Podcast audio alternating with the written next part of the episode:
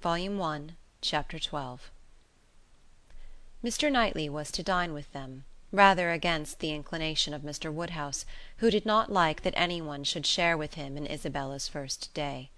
Emma's sense of right, however, had decided it; and besides the consideration of what was due to each brother, she had particular pleasure, from the circumstance of the late disagreement between Mr. Knightley and herself, in procuring him the proper invitation. She hoped they might now become friends again. She thought it was time to make up.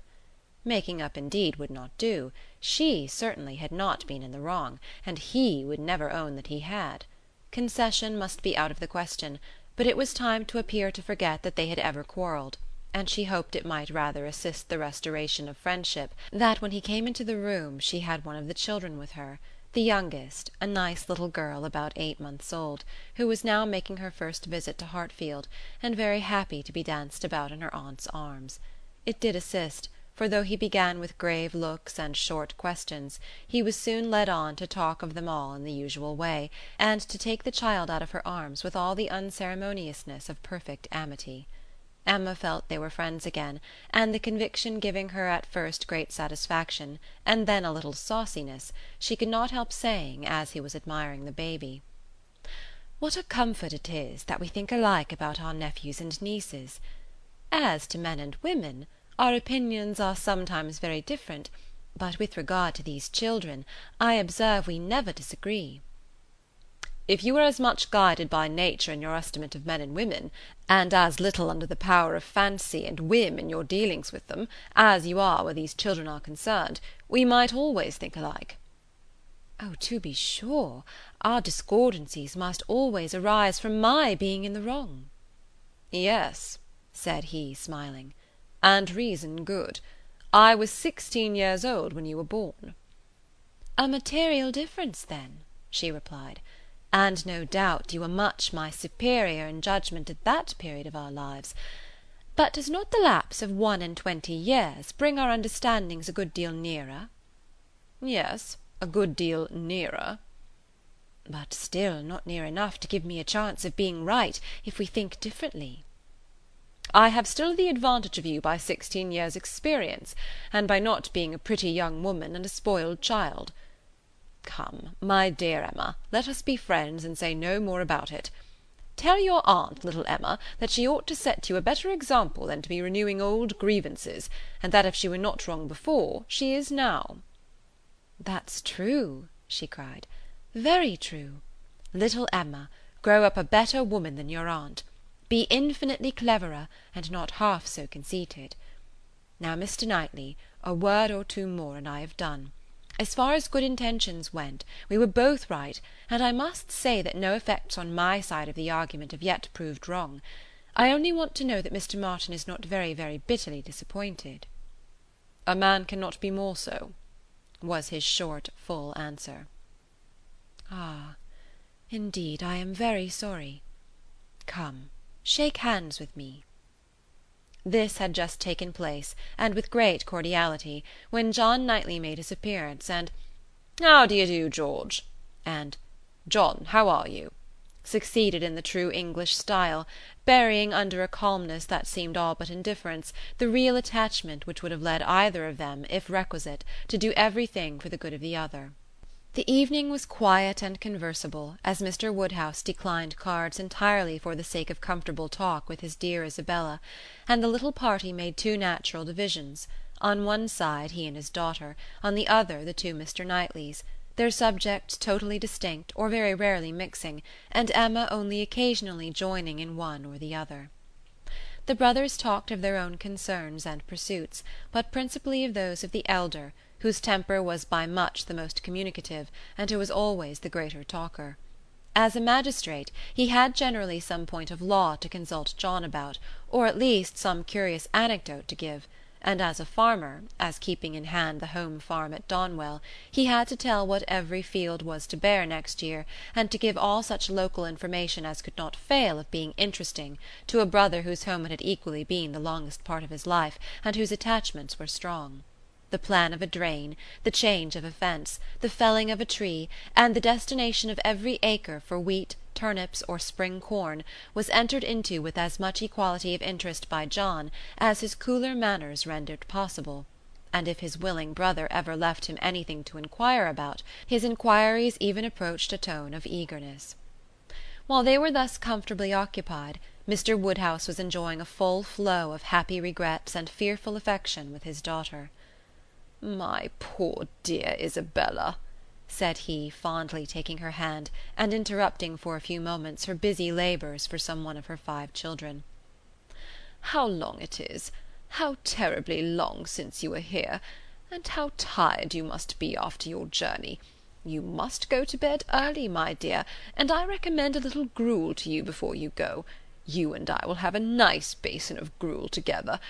My dear Emma, suppose we all have a little gruel." Emma could not suppose any such thing, knowing, as she did, that both the Mr. Knightleys were as unpersuadable on that article as herself, and two basins only were ordered. After a little more discourse in praise of gruel, with some wondering at its not being taken every evening by everybody, he proceeded to say, with an air of grave reflection, "It was an awkward business, my dear, your spending the autumn at Southend instead of coming here. I never had much opinion of the sea air. Mr. Wingfield most strenuously recommended it, sir, or we should not have gone. He recommended it for all the children, but particularly for the weakness in little Bella's throat, both sea air and bathing. Ah, my dear, but Perry had many doubts about the sea doing her any good; and as to myself, I have been long perfectly convinced, though perhaps I never told you so before, that the sea is very rarely of use to anybody. I am sure it almost killed me once." "Come, come," cried Emma, feeling this to be an unsafe subject, "I must beg you not to talk of the sea. It makes me envious and miserable, I who have never seen it. Southend is prohibited, if you please. My dear Isabella, I have not heard you make one inquiry about Mr. Perry yet, and he never forgets you." "Oh, good Mr. Perry! How is he, sir?" "Why, pretty well but not quite well. Poor Perry is bilious, and he has not time to take care of himself. He tells me he has not time to take care of himself, which is very sad; but he is always wanted all round the country. I suppose there is not a man in such practice anywhere; but then there is not so clever a man anywhere." "And Mrs. Perry and the children, how are they? Do the children grow? I have a great regard for Mr. Perry. I hope he will be calling soon. He will be so pleased to see my little ones." "I hope he will be here to morrow, for I have a question or two to ask him about myself of some consequence. And, my dear, whenever he comes, you had better let him look at little Bella's throat." "Oh, my dear sir, her throat is so much better that I have hardly any uneasiness about it. Either bathing has been of the greatest service to her or else it is to be attributed to an excellent embrocation of Mr. Wingfield's, which we have been applying at times ever since August." "It is not very likely, my dear, that bathing should have been of use to her; and if I had known you were wanting an embrocation, I would have spoken to—" "You seem to me to have forgotten Mrs. and Miss Bates," said Emma. "I have not heard one inquiry after them." "Oh, the good Bateses! I am quite ashamed of myself; but you mention them in most of your letters. I hope they are quite well. Good old Mrs. Bates! I will call upon her to morrow, and take my children. They are always so pleased to see my children. And that excellent Miss Bates! Such thorough, worthy people! How are they, sir?" "Why, pretty well, my dear, upon the whole; but poor Mrs. Bates had a bad cold about a month ago." "How sorry I am! But colds were never so prevalent as they have been this autumn. Mr. Wingfield told me that he has never known them more general or heavy, except when it has been quite an influenza." "That has been a good deal the case, my dear, but not to the degree you mention. Perry says that colds have been very general, but not so heavy as he has very often known them in November. Perry does not call it altogether a sickly season." "No, I do not know that Mr. Wingfield considers it very sickly, except—" "Ah, my poor dear child! The truth is, that in London it is always a sickly season. Nobody is healthy in London; nobody can be. It is a dreadful thing to have you forced to live there. So far off, and the air so bad." No, indeed, we are not at all in a bad air. Our part of London is very superior to most others. You must not confound us with London in general, my dear sir. The neighbourhood of Brunswick Square is very different from almost all the rest. We are so very airy. I should be unwilling, I own, to live in any other part of the town. There is hardly any other that I could be so satisfied to have my children in. But we are so remarkably airy. Mr. Wingfield thinks the vicinity of Brunswick Square decidedly the most favourable as to air. Oh, my dear, it is not like Hartfield. You make the best of it, but after you have been a week at Hartfield, you are all of you different creatures, you do not look the same. Now I cannot say that I think you are any of you looking well at present. I am sorry to hear you say so, sir, but I assure you, excepting those little nervous headaches and palpitations which I am never entirely free from anywhere, I am quite well myself and if the children were rather pale before they went to bed, it was only because they were a little more tired than usual from their journey and the happiness of coming. I hope you will think better of their looks to-morrow, for I assure you Mr. Wingfield told me that he did not believe he had ever sent us off altogether in such good case. I trust at least that you do not think Mr. Knightley looking ill? turning her eyes with affectionate anxiety towards her husband. Middling, my dear. I cannot compliment you. I think Mr. John Knightley very far from looking well. What is the matter, sir? Did you speak to me? cried Mr. John Knightley, hearing his own name. I am sorry to find, my love, that my father does not think you looking well, but I hope it is only from being a little fatigued. I could have wished, however, as you know, that you had seen Mr. Wingfield before you left home. My dear Isabella, exclaimed he hastily, Pray do not concern yourself about my looks. Be satisfied with doctoring and coddling yourself and the children, and let me look as I choose. I did not thoroughly understand what you were telling your brother, cried Emma, about your friend Mr. Graham's intending to have a bailiff from Scotland to look after his new estate. What will it answer? Will not the old prejudice be too strong? And she talked in this way so long and successfully that, when forced to give her attention again to her father and sister, she had nothing worse to hear than Isabella's kind inquiry after Jane Fairfax; and Jane Fairfax, though no great favourite with her in general, she was at that moment very happy to assist in praising. "That sweet, amiable Jane Fairfax," said Mrs. John Knightley. "It is so long since I have seen her, except now and then for a moment accidentally in town. What happiness it must be to her good old grandmother and excellent aunt when she comes to visit them! I always regret excessively on dear Emma's account that she cannot be more at Highbury; but now their daughter is married, I suppose Colonel and Mrs. Campbell will not be able to part with her at all. She would be such a delightful companion for Emma. Mr. Woodhouse agreed to it all, but added, Our little friend Harriet Smith, however, is just such another kind of pretty young person. You will like Harriet. Emma could not have a better companion than Harriet. I am most happy to hear it, but only Jane Fairfax one knows to be so very accomplished and superior, and exactly Emma's age. This topic was discussed very happily, and others succeeded of similar moment, and passed away with similar harmony, but the evening did not close without a little return of agitation. The gruel came and supplied a great deal to be said, much praise and many comments, undoubting decision of its wholesomeness for every constitution, and pretty severe philippics upon the many houses where it was never met with tolerable. But unfortunately, among the failures which the daughter had to instance, the most recent, and therefore most prominent, was in her own cook at Southend, a young woman hired for the time, who had never been able to understand what she meant by a basin of nice smooth gruel, thin, but not too thin. Often as she had wished for and ordered it, she had never been able to get anything tolerable. Here was a dangerous opening. "Ah!"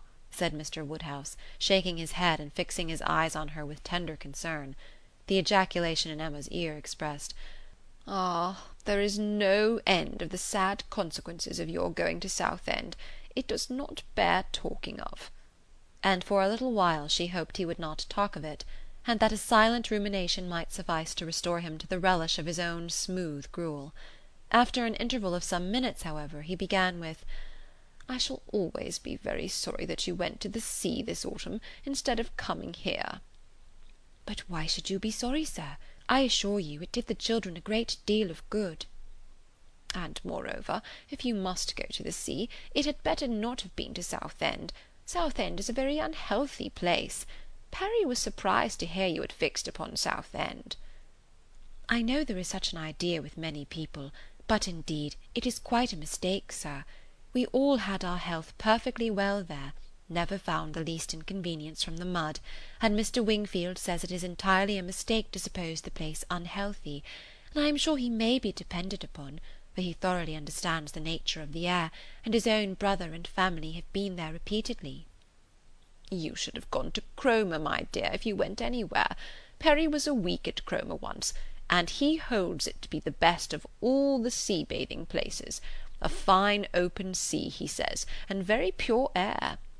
By what I understand, you might have had lodgings there quite away from the sea, a quarter of a mile off, very comfortable. You should have consulted Perry.